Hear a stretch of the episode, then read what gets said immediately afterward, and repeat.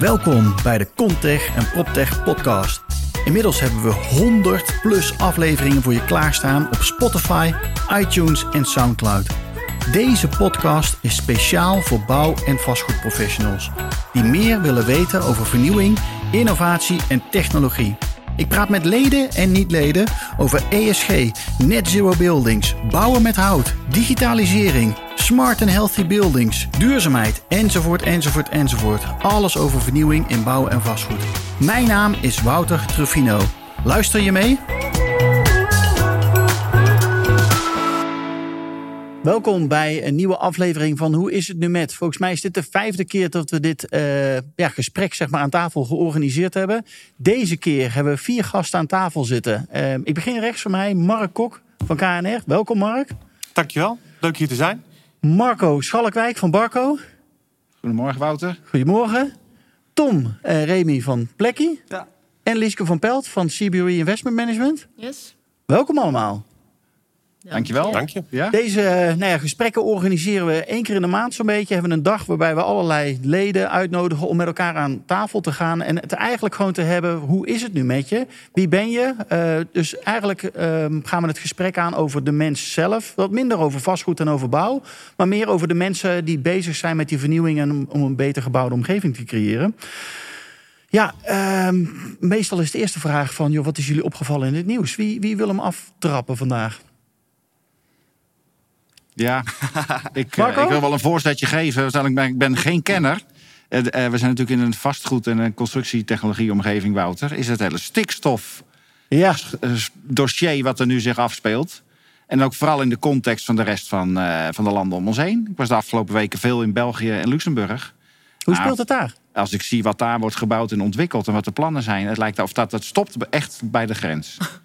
Stikstof, want ja? het speelt gewoon niet in... Uh... Daar wordt volop gebouwd. Dus het staat wel op de agenda. Ik heb daar natuurlijk op doorgevraagd. Maar ja. uh, dus de, dus de normering wordt aan gerefereerd dat ze daar binnenvallen. Nou, dat zeg ik. De hijskranen zitten elkaar soms nog net niet in de weg. Ja. Maar er wordt echt heel veel gebouwd. En ja, en hier is het best wel puinhoop. Want ja, het was en, afgelopen week was het in het nieuws. 70% of 80% reductie in sommige provincies. Ja, en dan uh, zitten we natuurlijk hier met partijen ook aan tafel. Ook vanuit CBRE, vanuit ontwikkelingen hebben we net eventjes gesproken.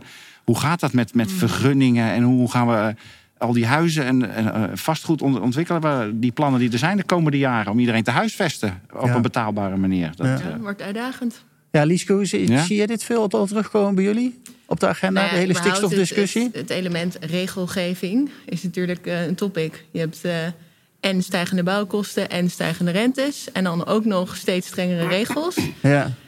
En tegelijkertijd worden inkomsten ook nog wel uh, redelijk uh, uh, aan banden gelegd. Dus ja, de business case staat onder andere door dit soort dingen wel heel erg onder druk. Ja, heel erg. Ja. Ja, iedereen is hiermee bezig. Ik denk ook, ja. dit, we zitten een week voor Provada. Volgens mij gaat het volgende week dit alleen maar hierover, of niet? Ja. als je nu een grote aannemovereenkomst moet sluiten... dan heb je wel wat denkwerk. Ja, ja. ja bijzonder. Zie jij dit ook al terugkomen, Mark? In, in opdrachten die, nee, die, dat die langer uitgesteld worden?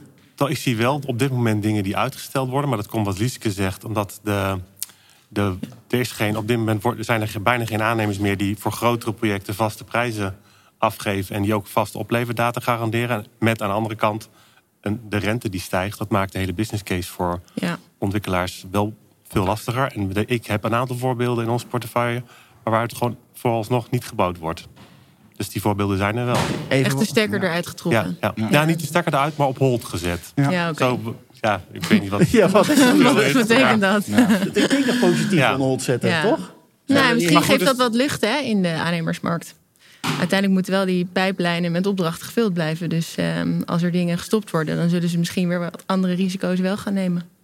Wellicht. Wie weet, ja. ja. Maar ja, het is een hele rare markt. We hadden gisteren ook een voorbereidingsgesprek. Want op Provada gaan we ook een aantal podcasts opnemen. Ook over die prijsstijgingen. Want het is natuurlijk heel maf. Dat die aannemers, die orderportefeuilles zitten bomvol van iedereen. Ja.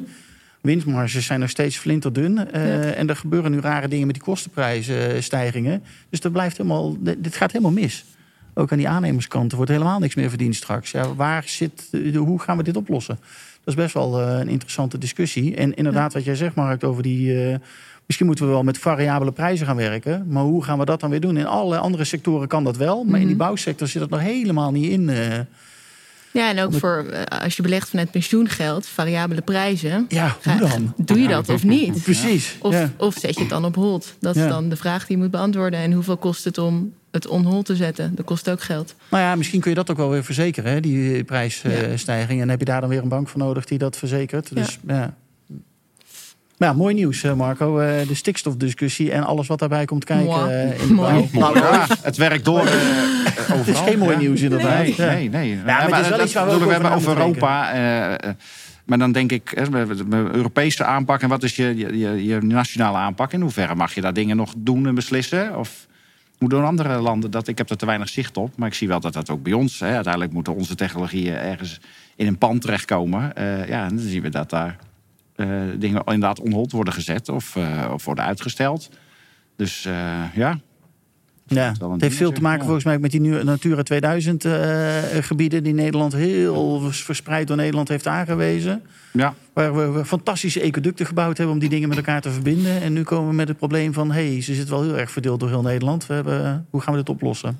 Ja. Nou ja, lastig. Mark, wat is jouw nieuws van de week, maand? Nou, als je, als je dan terugkijkt naar de afgelopen weken, dan lijkt het wel in de media alsof aardgas en benzine dat dat belangrijker geworden is dan een vreselijke oorlog in de Oekraïne. Dat valt mij dan op.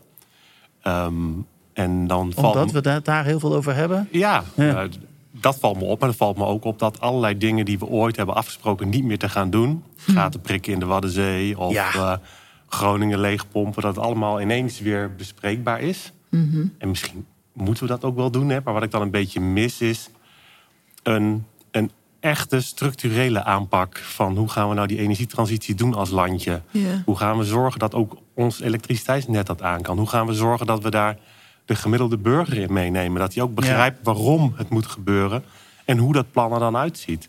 En dan heb je denk ik niet zoveel aan een, aan een overheid die dan roept vanaf 2026 gaat iedereen aan de warmtepomp. Dan denk ik ja, Ja, hoe Ja, dan? is hoe dat dan? Ja.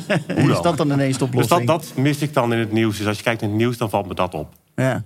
En ik denk dat we dat Hoe komt dat? Dat Die wij die visie niet meer kunnen maken op een, een of andere manier? Nou, Zitten we te ik wachten denk- op elkaar? Eh, Nee, ik denk dat er heel veel mensen nu op die dossiers zitten... die helemaal geen verstand van zaken hebben. Helemaal niet vanuit de theorie of vanuit de praktijk. Er hoeven maar een paar dossiers te lichten van een paar Kamerleden... die op dossiers zitten.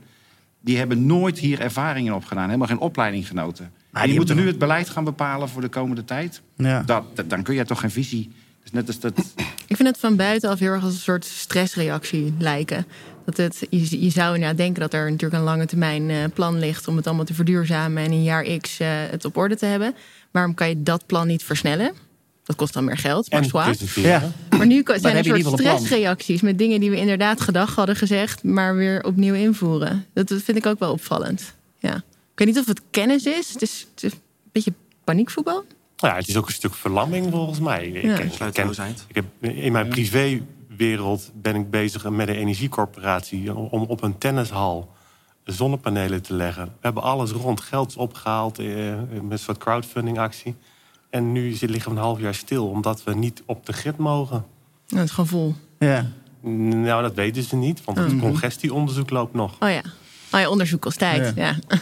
Maar dat, en dan denk ik van ja, dat is wel, dat is één van die onderdelen in dat structurele plan om Nederland in die energietransitie te krijgen, is dat natuurlijk ook. En dat mis ik. Ja. En dan inderdaad, dan is het zo'n zo'n stressreactie van oké, dan eh, gaan we wel weer eh, gaten Ja. boren. En, eh, Zekerheid boven alles. Ja. Soort van. Ja. Maf. Ja, ja, misschien ook omdat het heel veel mensen wel echt nu heel hard raakt in hun portemonnee. Hè? Dus huishoudens die... Nou ja, wat betaal je vandaag voor eh, een liter benzine? Volgens mij was het weer een nieuw record, toch? Record. Vandaag Ja. 2,50 volgens mij. 2,54. 2,54. Ja, jongens. Terwijl dat is wel niet eh, normaal. in eh, Luxemburg moest dan even, ga ik toch even tanken als Nederlander natuurlijk. Eh, anders als voordeel voor het bedrijf. Het scheelde al 30, 34 cent op diesel per Ja. En nou, Duitsland zat op 50, scheelt nu nog 45 cent per liter. Dus dan denk ik, wat is daar voor beleid, wordt daar nou op toegepast? Ja. nou, dat geldt ook voor de aardgas. En dat geldt ook voor gas. Ja, je gaat nou, van twee, tweeënhalf keer meer betalen per maand. Als, je, je- als jouw contract afloopt, je kunt ook geen vast eh, contract meer afsluiten. Ik heb me ook wel laten vertellen dat in Duitsland dat je nog subsidie krijgt als je je huis op gas gaat zetten. Ja. Waar is, weet ik niet. Hè? Ja, dat is waar. In Noord-Rijn-Westfalen alleen al Ja, binnen je... Europa over de Ja. grens is Ja. eh, alles eh, kan anders zijn. Dat is best gek. Ja, Ja. klopt. Zijn wij dan voor meer één Europa? Dat we daar met z'n allen gezamenlijk veel meer beleid op maken? beleid, over die ja. Dan energietransitie. kan je ook innovaties boosten als je Ja. gewoon veel meer schaal hebt. Ja, ik denk wel dat je dat zou moeten doen. Hoe zie jij dat, Tom? Je bent ook wat, wat jonger. Hoe kijk je je tegen dit soort vraagstukken aan, de energietransitie? Nou, ik denk dat Met 22, toch? Ja, klopt. Ja. Ja. Ik denk dat het sowieso niet een probleem is wat je als landje aan moet pakken. Ik denk dat je daar voor moet samenwerken om met z'n allen inderdaad die impact en die schaal te kunnen realiseren die je echt wel nodig hebt om überhaupt eh, iets te kunnen doen. Er. Eh, ik denk dat je daardoor ook misschien beter besluiten kan nemen als je met z'n allen erover nadenkt en verschillende belangen naast elkaar legt. Dan kom je uiteindelijk denk ik tot een beter besluit dan dat je in je eentje gaat kijken van oké, dat elk land los van elkaar individueel gaat kijken van ah, hoe gaan we het nou aanpakken. Ja. Dus, ja. Ja, de vraagstukken zijn wel enorm. Het is niet zo makkelijk. Zeker Tom, wat is jouw nieuws? eh, wat je is opgevallen afgelopen... Eh, nou, we hadden gisteren toevallig ook over dat, eh, dat toch wel best wel bedrijven naar buiten kwamen. Nu iedereen weer terug naar het kantoor toe gaat. Hoe dat dan gaat met, ja, gaan we nou weer vijf dagen per week naar kantoor? En Tesla kwam toevallig naar buiten met, eh, we willen toch eigenlijk weer dat iedereen weer vijf dagen per week naar kantoor komt, Ja. verplicht. Meld, ja, meld- verplicht ook gewoon. Meldplicht, ja. Meldplicht. Dat, dat je dan bij heel veel mensen wel rechts kreeg. Dat, en dat mensen ook steeds brutaler worden. Dat ze eigenlijk ook zeggen van ja, ik wil helemaal niet meer kantoor. Ik kom niet in kantoor. Dus ik ben wel benieuwd ook hoe dat bij jullie is. En hoe dat sowieso, hoe dat sowieso verschilt bij bedrijven nu tegenwoordig. Dat is best wel eh, Ja. apart om dat te volgen. En dat, daar is elke week in het nieuws wel iets over te vinden. Ja, want Google ging volgens mij ook, die was een paar weken daarvoor eh, in het nieuws, dat zij ook weer een grote campus gaan openen om ook weer mensen naar kantoor te brengen. Ja. Nou ja, Tesla dan verplicht van Ja. 40 uur in de week eh, naar kantoor. En als je dat niet doet, dan is Ja. de deur daar en neem er ontslag. Heel bijzonder. Hoe kijk jij daar tegenaan, Lieske? De, eh, Ja, zo'n plicht zou, eh, vind ik raar. Vind ik echt niet van deze tijd. Volgens mij moet je als eh, bedrijf ervoor zorgen dat die plek zo relevant en interessant is dat mensen komen. Ja. ja. eh, maar is dat dan genoeg? Als het goed is wel. Ehm, ik, ik weet dat er bij ons ook wel naar wordt gekeken dat het voor jongeren ook goed is om weer met meer media of senior mensen te werken. En dat je dan een beetje die opleiding ook kan faciliteren. Maar ja, dus dan moet je op kantoor ja, zijn. daar- Ja. Dat- beter kan je dan fysiek bij elkaar zijn. Ja. We hebben wel teamdagen, maar niks is verplicht. Ehm, en dat moet het ook niet meer zijn, denk ik. Ik vind dat niet van deze tijd. Eh, het gaat veel meer om de juiste sfeer creëren en zorgen dat die plek zo leuk is dat, dat, mensen, komen. En Ja, komen mensen weer bij jullie terug naar zeker, kantoor? Zeker, ja. ja. en we hebben natuurlijk ook projectkantoor hier in eh, Zuidoost.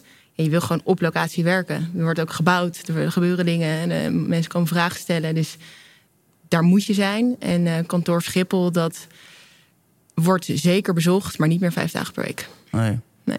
Hoe is dat bij jou, eh, Marco? Hoe kijk jij daar tegenaan? Ja, eh, terugkomen naar kantoor. Eh, omdat eh, het, zeker het vrijwillige aspect daarin. Hè, dus dwang, Ja. daar geloof ik nou weer niet in.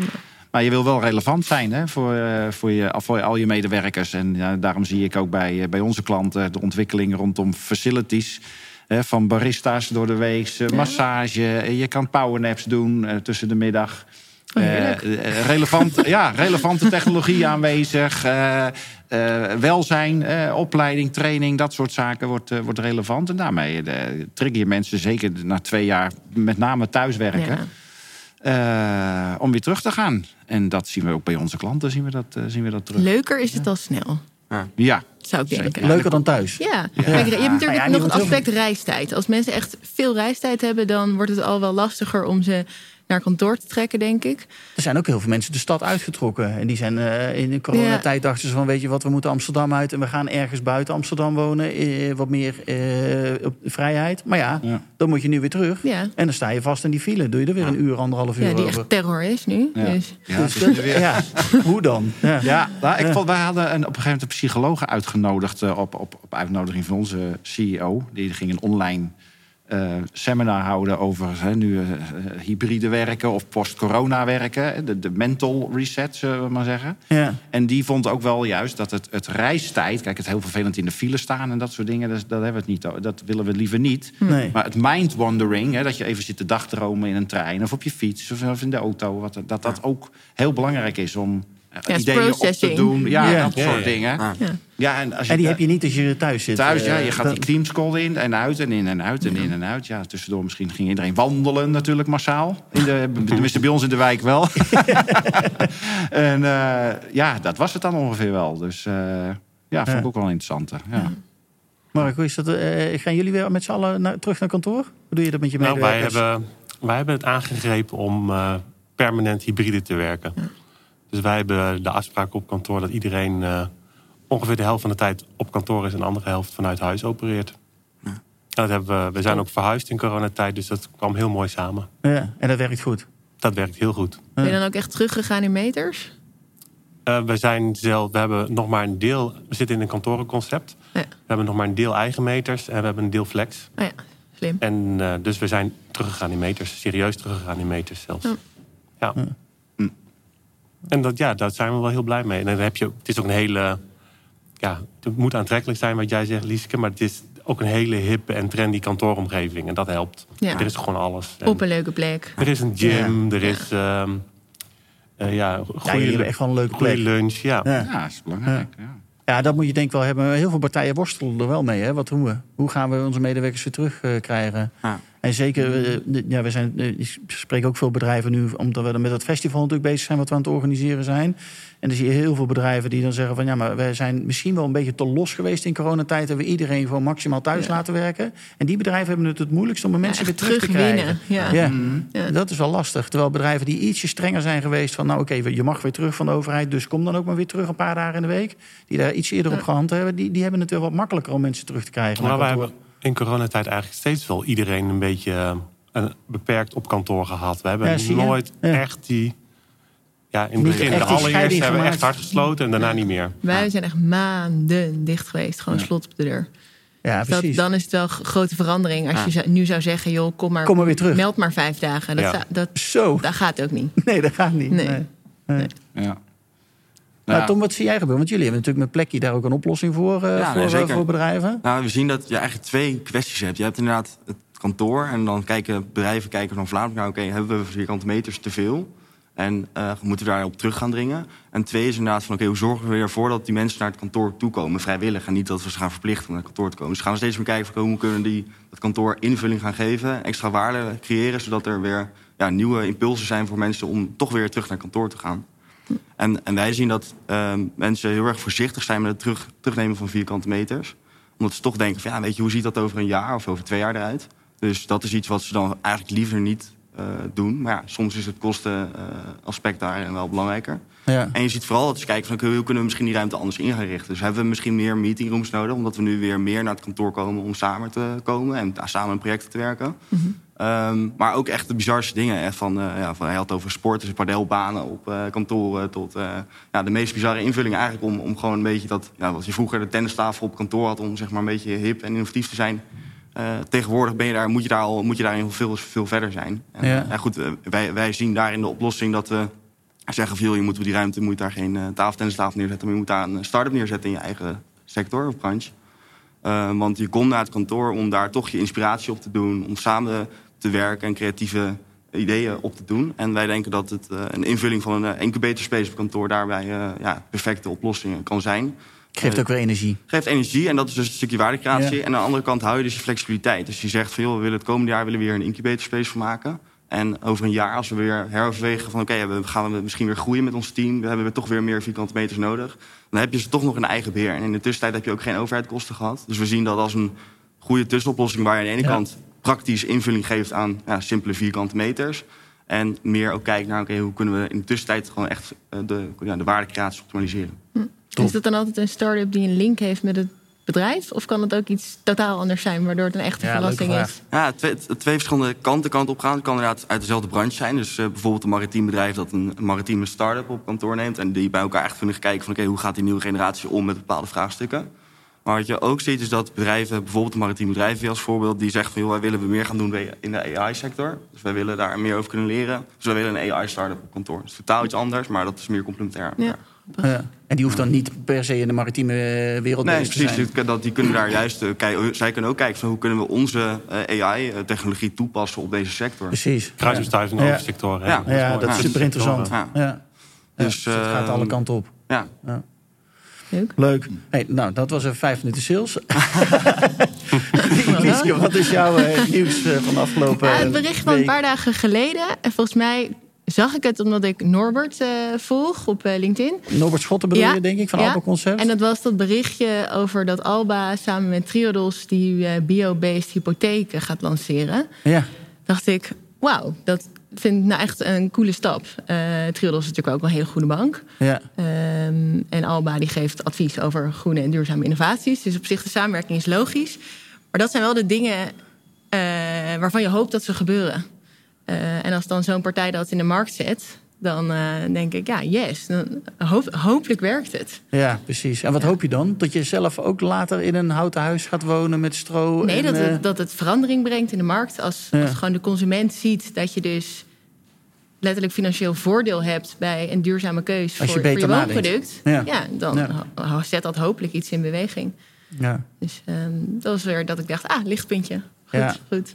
Ja, dat, uh, ik, ja, het viel mij ook op, want Norbert die stuurde het gelijk door ook. Ja. En uh, ja, ik denk ook van, ja, dat zijn de goede beweegrichtingen inderdaad. Precies. Hopen dat de andere banken ook aansluiten. Dat is het. hoe groter dit soort oplossingen worden... ING eh, zal niet de eerste zijn die dit lanceert. Maar het zal misschien wel eentje zijn die volgt. Precies, ja. En wat is dan het verschil echt tussen, tussen de normaal advies daaromtrent? Wat is dan anders Het dan is deze? eigenlijk heel plat een rentevoordeel voor een hypotheek... als je kiest voor een woning met duurzaam materiaalgebruik. Dus houtbouw in plaats van beton of taal. Ja. ja. Ehm, en alle andere materialen, daar ben ik verder niet heel erg in thuis. Toepassen van maar stroos, toepassen je hebt- van, van alles. nu is het wat. heel- Ja. Ja. Het is nu heel standaard dat, dat je een rentevoordeel krijgt als je een beter label hebt. Ja, Maar dat ja. kijkt verder eigenlijk helemaal niet naar materialen. Nee. Dus zij gaan nog één stapje verder door dat ook te doen. Ah, oké. Ja. Ja.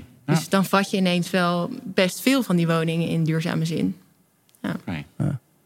Ja, ik hoop dat dit dan ook voor ontwikkelaars, beleggers een, eh, een stap wordt om dat soort woningen ook te gaan eh, Ja. produceren. Want dan Ja. heeft die woonconsument er helemaal. eh, Ja, het gaat gewoon steeds meer worden, worden meegerekend in, in de kosten die je maakt als investeerder. Wij, krijgen ook rentevoordeel op sociale impact. Dus als wij kunnen aantonen dat we op bepaalde plekken sociaal impact maken, dat moeten we op allerlei manieren bewijzen, hebben we ook betere renteafspraken.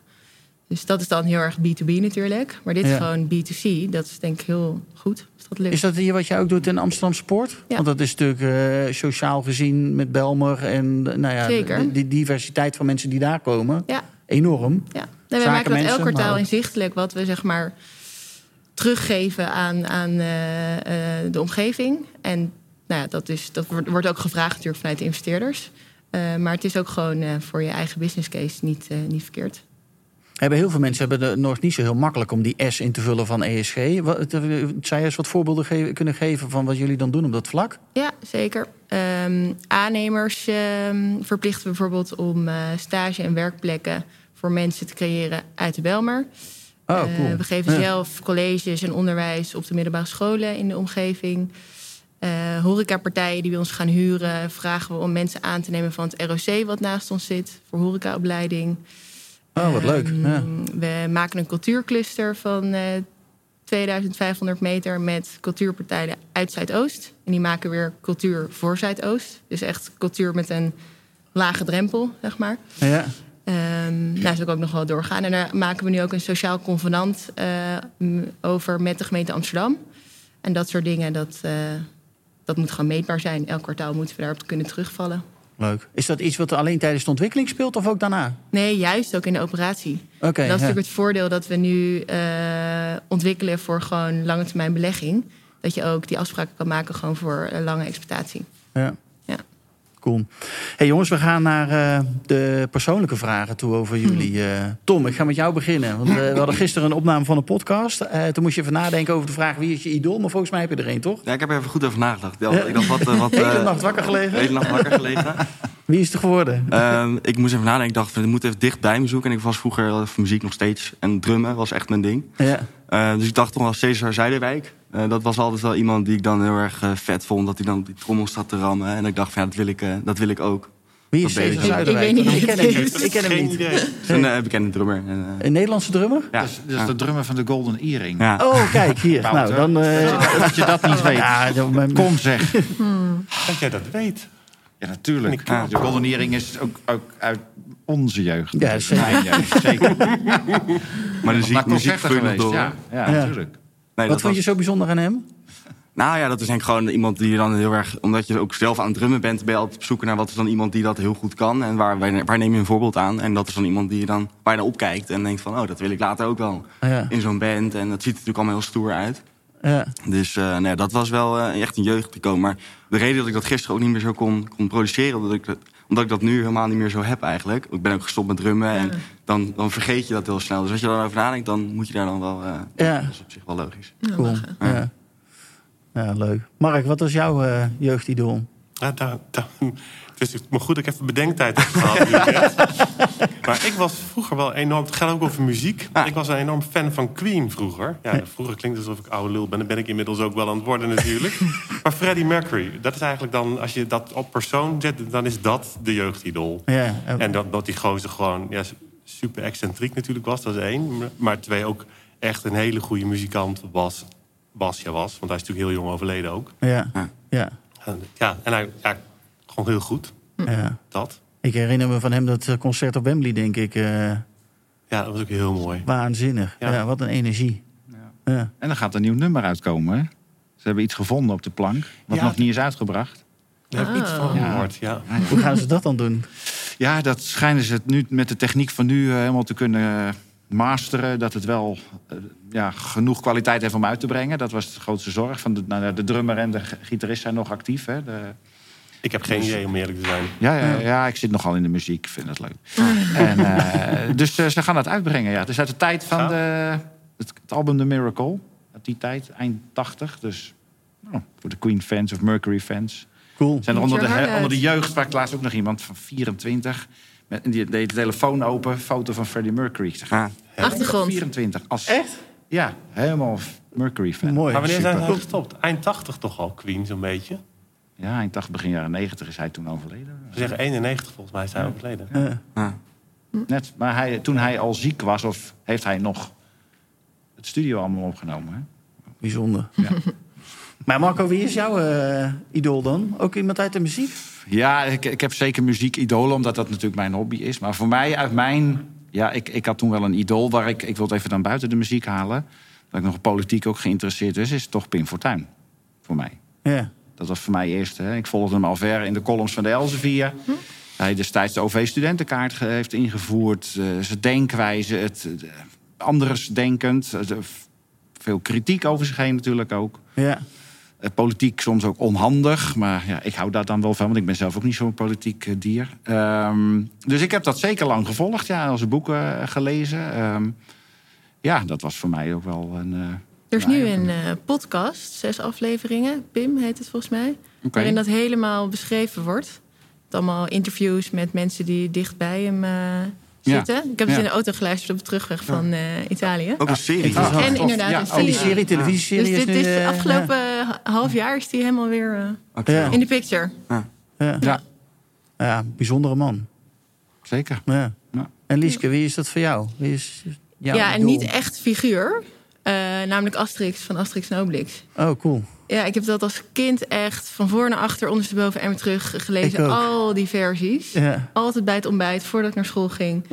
En het hele fenomeen van zo'n klein, sterk, slim eh, ventje... die toverdrank kon drinken en dan alles aankon... was denk ik fascinerend of zo.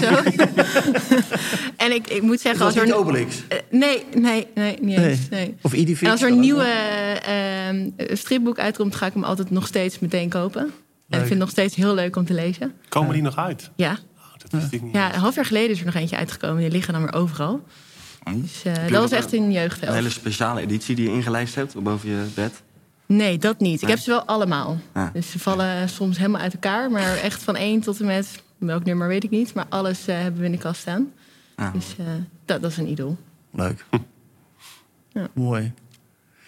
Jongens, ehm, we gaan een beetje het over werk hebben. Wat hebben jullie de afgelopen... Waar zijn jullie mee bezig? Wat hebben jullie de afgelopen maand gedaan? Waar ben je trots op wat je bereikt hebt? Ehm Lieske?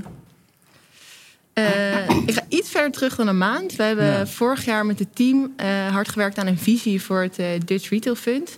Ehm, als een soort handboek voor het team. Om nou ja, goed te weten hoe je moet nadenken over de plekken die we maken. En ik heb het resultaat daarvan meegenomen.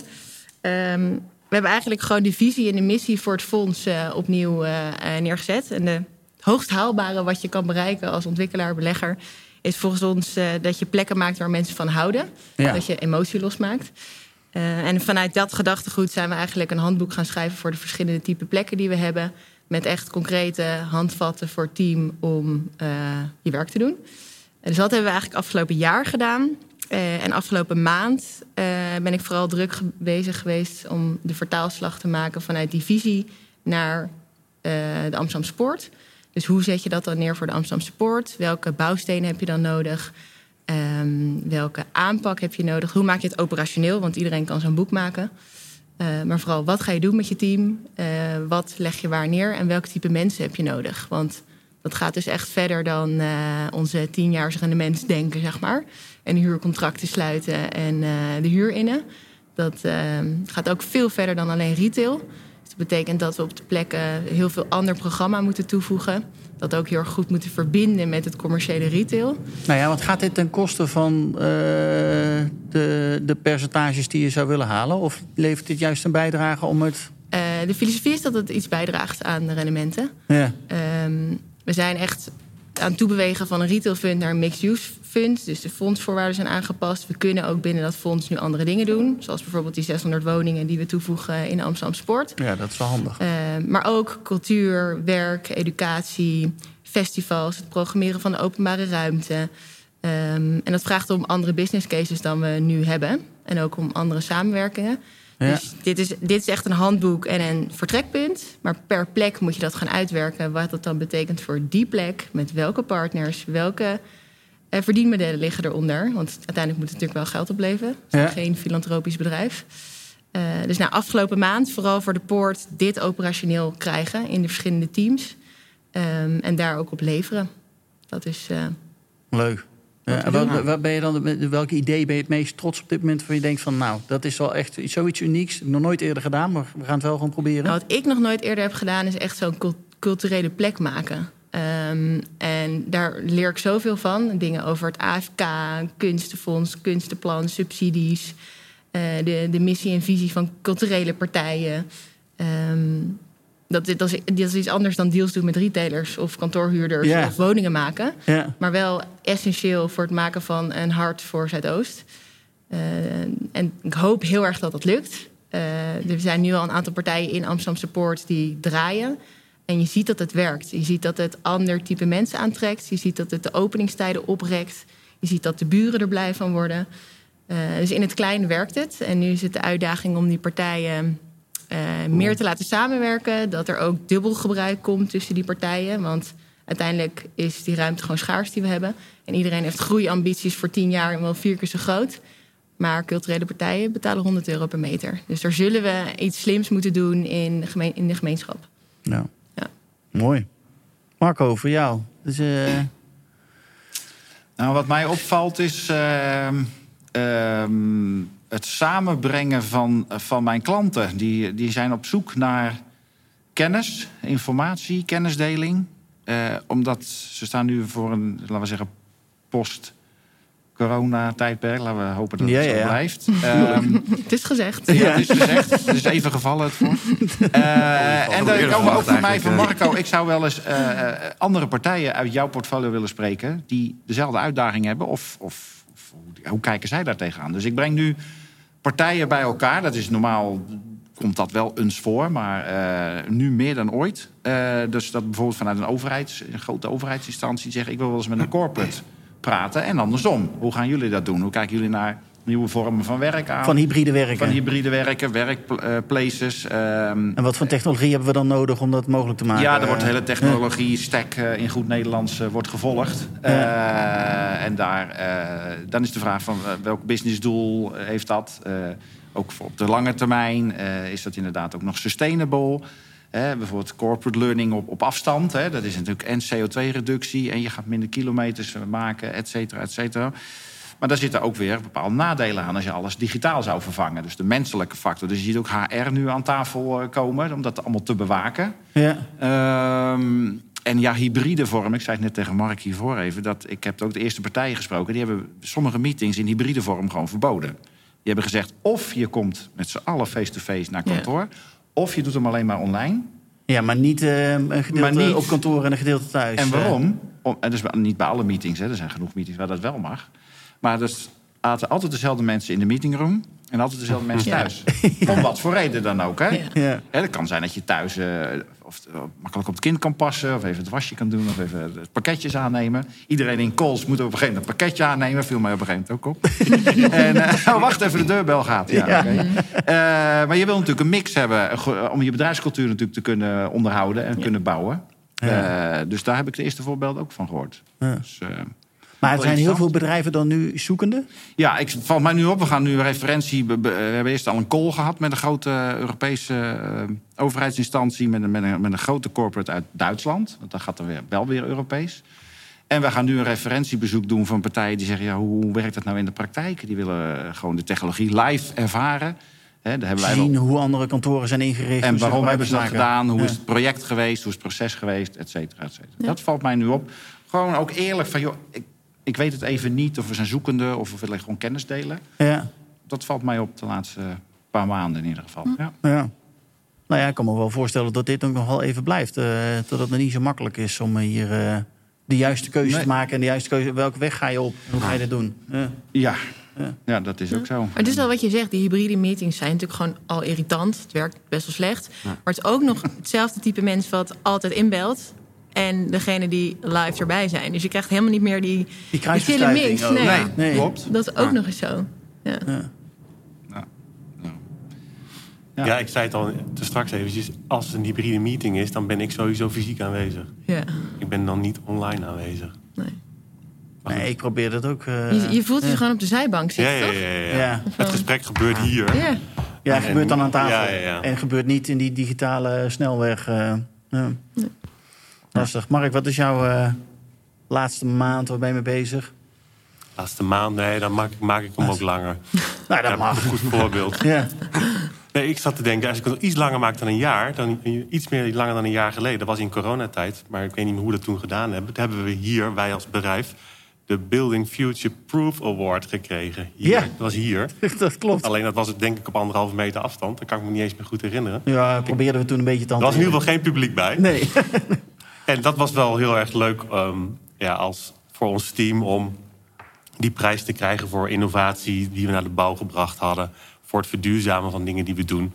En dat heeft wel een hele boost gegeven. En we zijn dus vorig jaar heel goed in staat geweest om ook ehm, zeg maar onze klanten te adviseren. Maar ook om die, eh, wij gebruiken dan VR in onze dienstverlening ook. Om VR en Game Engine, om die toepassing ook in onze dienstverlening te integreren. Dat is gewoon heel erg leuk.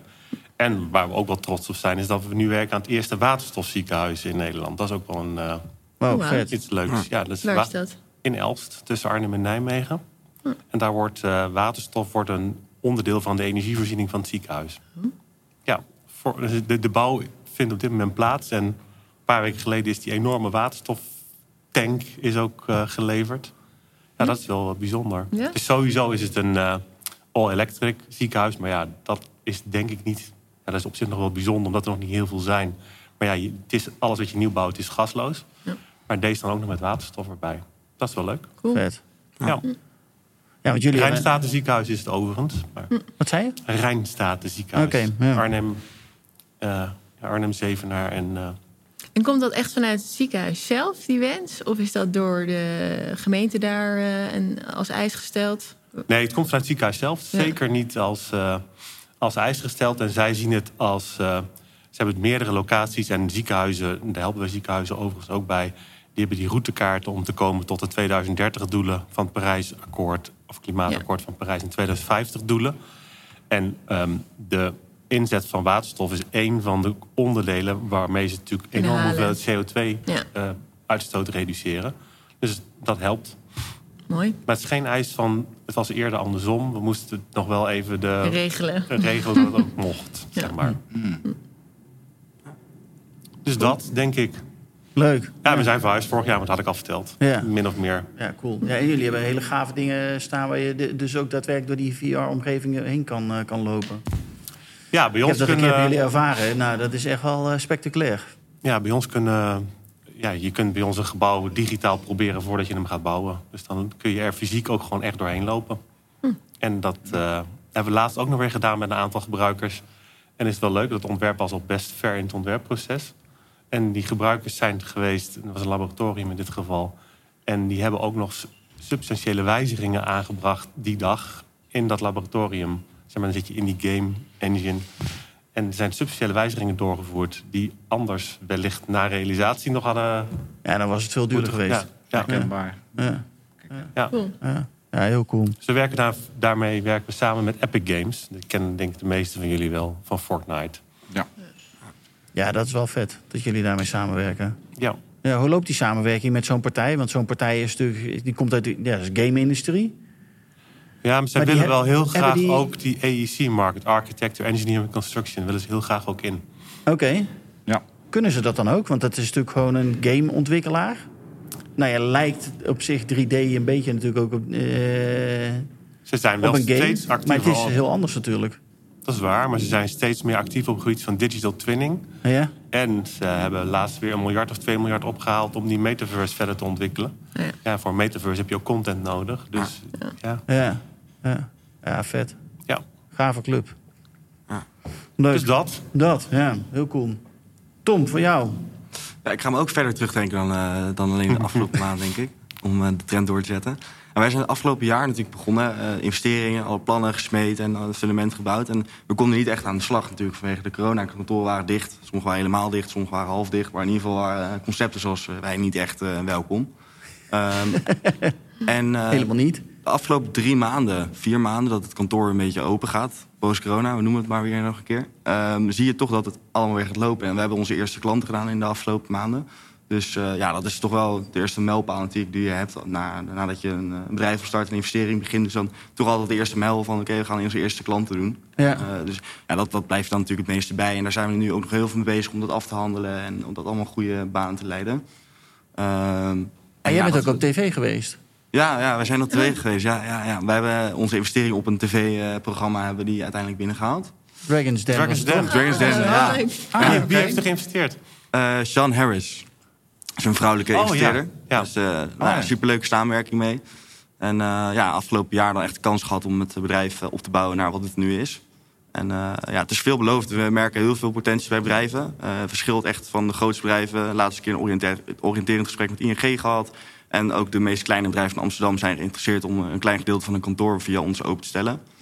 Dus het, je merkt echt dat het, ja, die schaal dat het, eh, heel erg uiteenloopt. Maar dat maakt het juist wel heel erg leuk. En, eh, Heeft het jullie ook geholpen om in die Dragons Den uitzending eh, eh, nou, geweest qua- te zijn? Qua Aan- aan- bereik denk ik niet zo. Ik denk wel qua, qua bewustzijn. Maar aan de andere kant denk ik ook van tegenwoordig is eigenlijk vrijwel iedereen wel bezig met het kritisch kijken naar het gebruik van kantoorruimte. Voorheen waren dat alleen facility managers en HR-managers die keken van oké, hoe gebruiken we onze werkplek?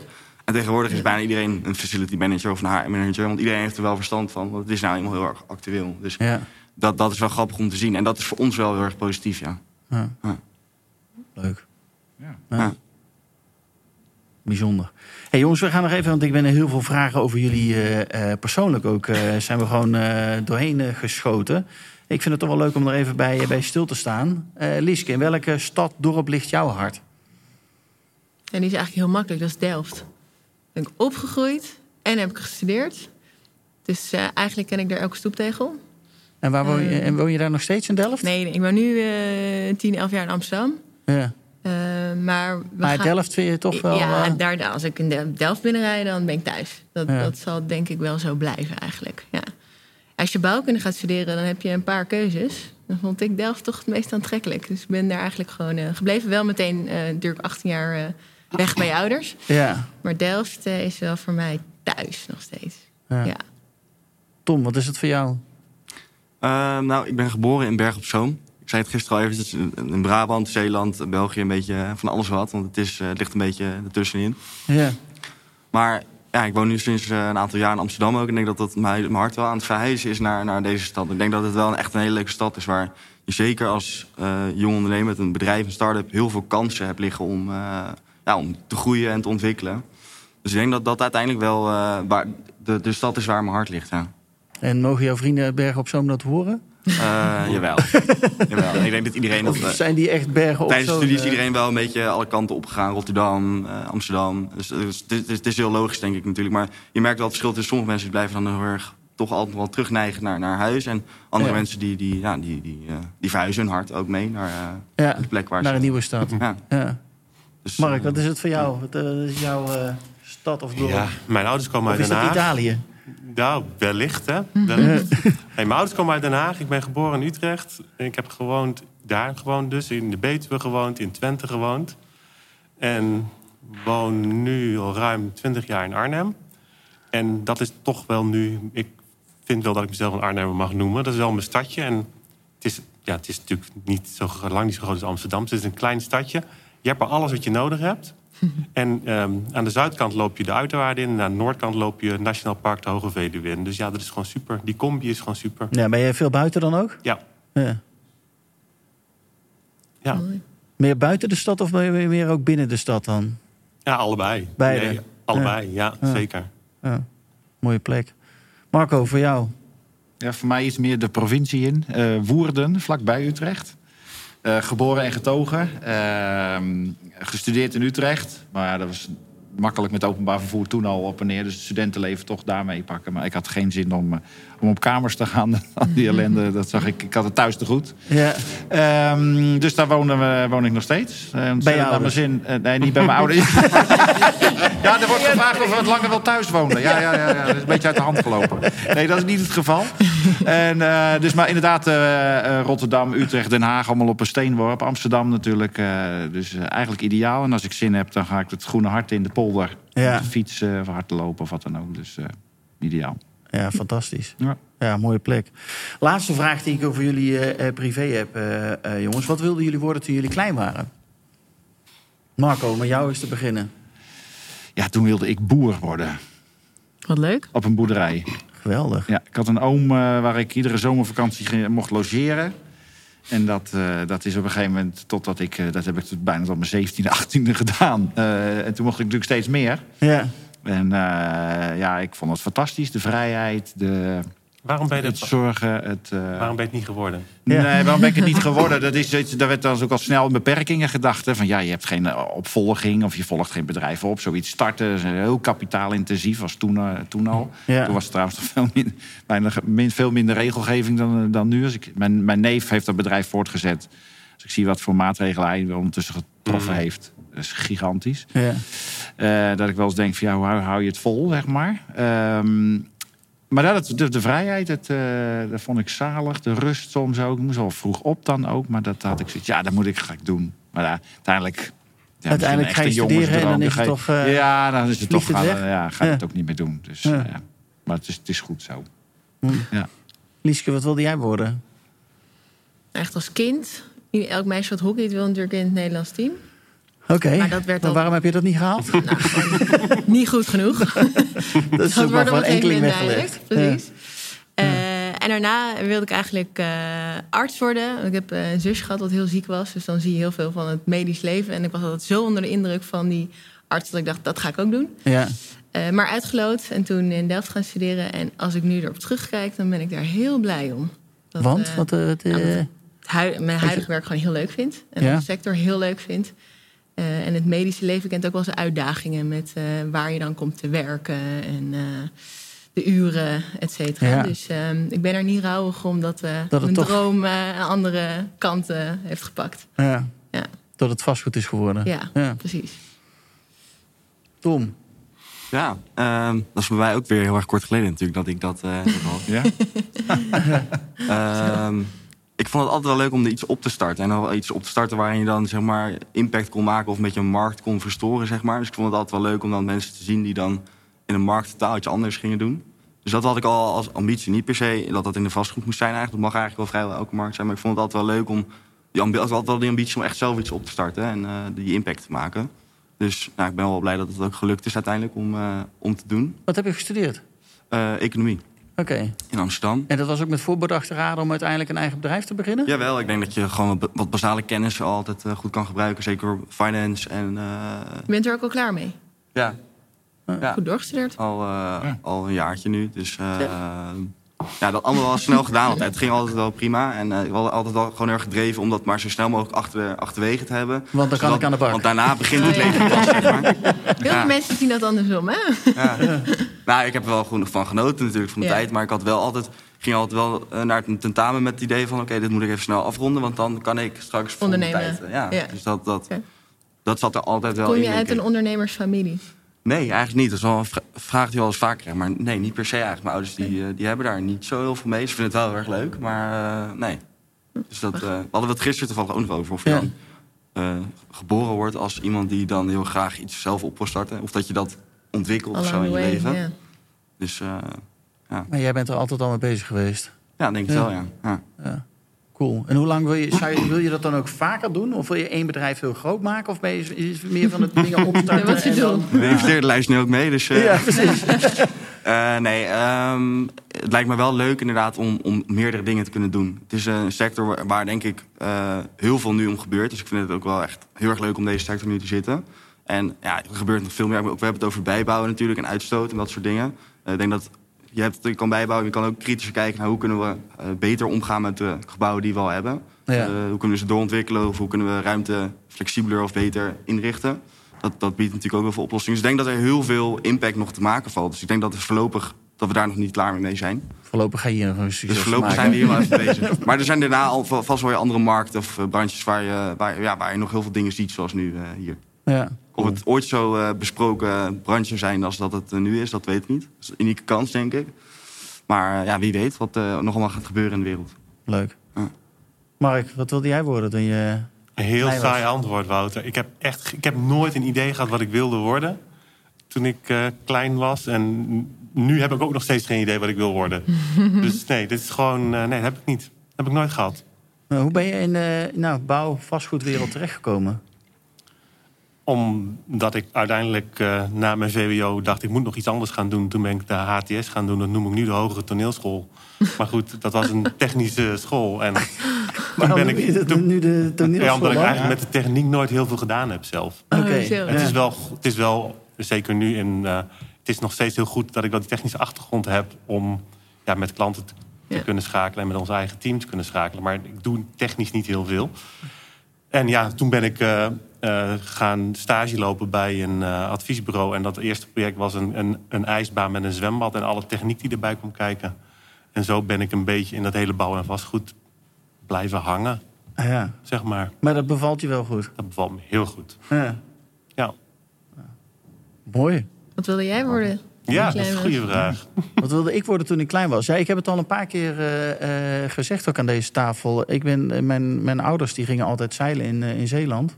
Dus we hebben hier ook een van de grote posters in onze eh, vergaderruimte. Daar hangt eh, de kust van eh, de Nederlandse kust. En daar was ik met mijn broertjes was ik altijd bezig om dijken te bouwen. Om ja, te kijken of wij, als het vloed werd, de, de golven konden weerstaan en dat konden winnen. Nou, dat kon je natuurlijk niet winnen. Maar Leuk. die dijken die werden steeds groter. En zo ben ik dus ook civiele techniek gaan studeren uiteindelijk. En dan kom je in de civiele wereld terecht. En nu, als we op vakantie gaan, dan gaan de scheps mee in de auto eh, naar. Zuid-Frankrijk. en dan worden er enorme heuvels worden er gebouwd met onze kinderen. Met schelpjes zijn we hele dagen bezig. En er zitten er mensen naast ons te kijken, waar is die meneer mee bezig? Wat een passie. Wat gebeurt hier? En dat worden de meest fantastische bouwwerken. En dat is, ja, daar ben ik nog steeds aan het doen. Dus eigenlijk, ja, Leuk. ja daar ben ik eh, vroeger mee opgegroeid. En dat doe ik eigenlijk nog steeds. En dat- ja, om dat door te trekken. Ja, ik vind het leuk om bruggen te bouwen, mensen met elkaar te verbinden. Ehm, en dat hoort wel eh, ja, eigenlijk een beetje bij mij, zeg maar. En daar word ik heel gelukkig van. Ja. Ja. Ja. Leuk. Dus dat is waar ik eh, mee, mee bezig ben. eh. jongens, willen jullie nog wat kwijt over jullie zelf? Dat je zegt van, nou, dat moeten mensen echt van mij weten.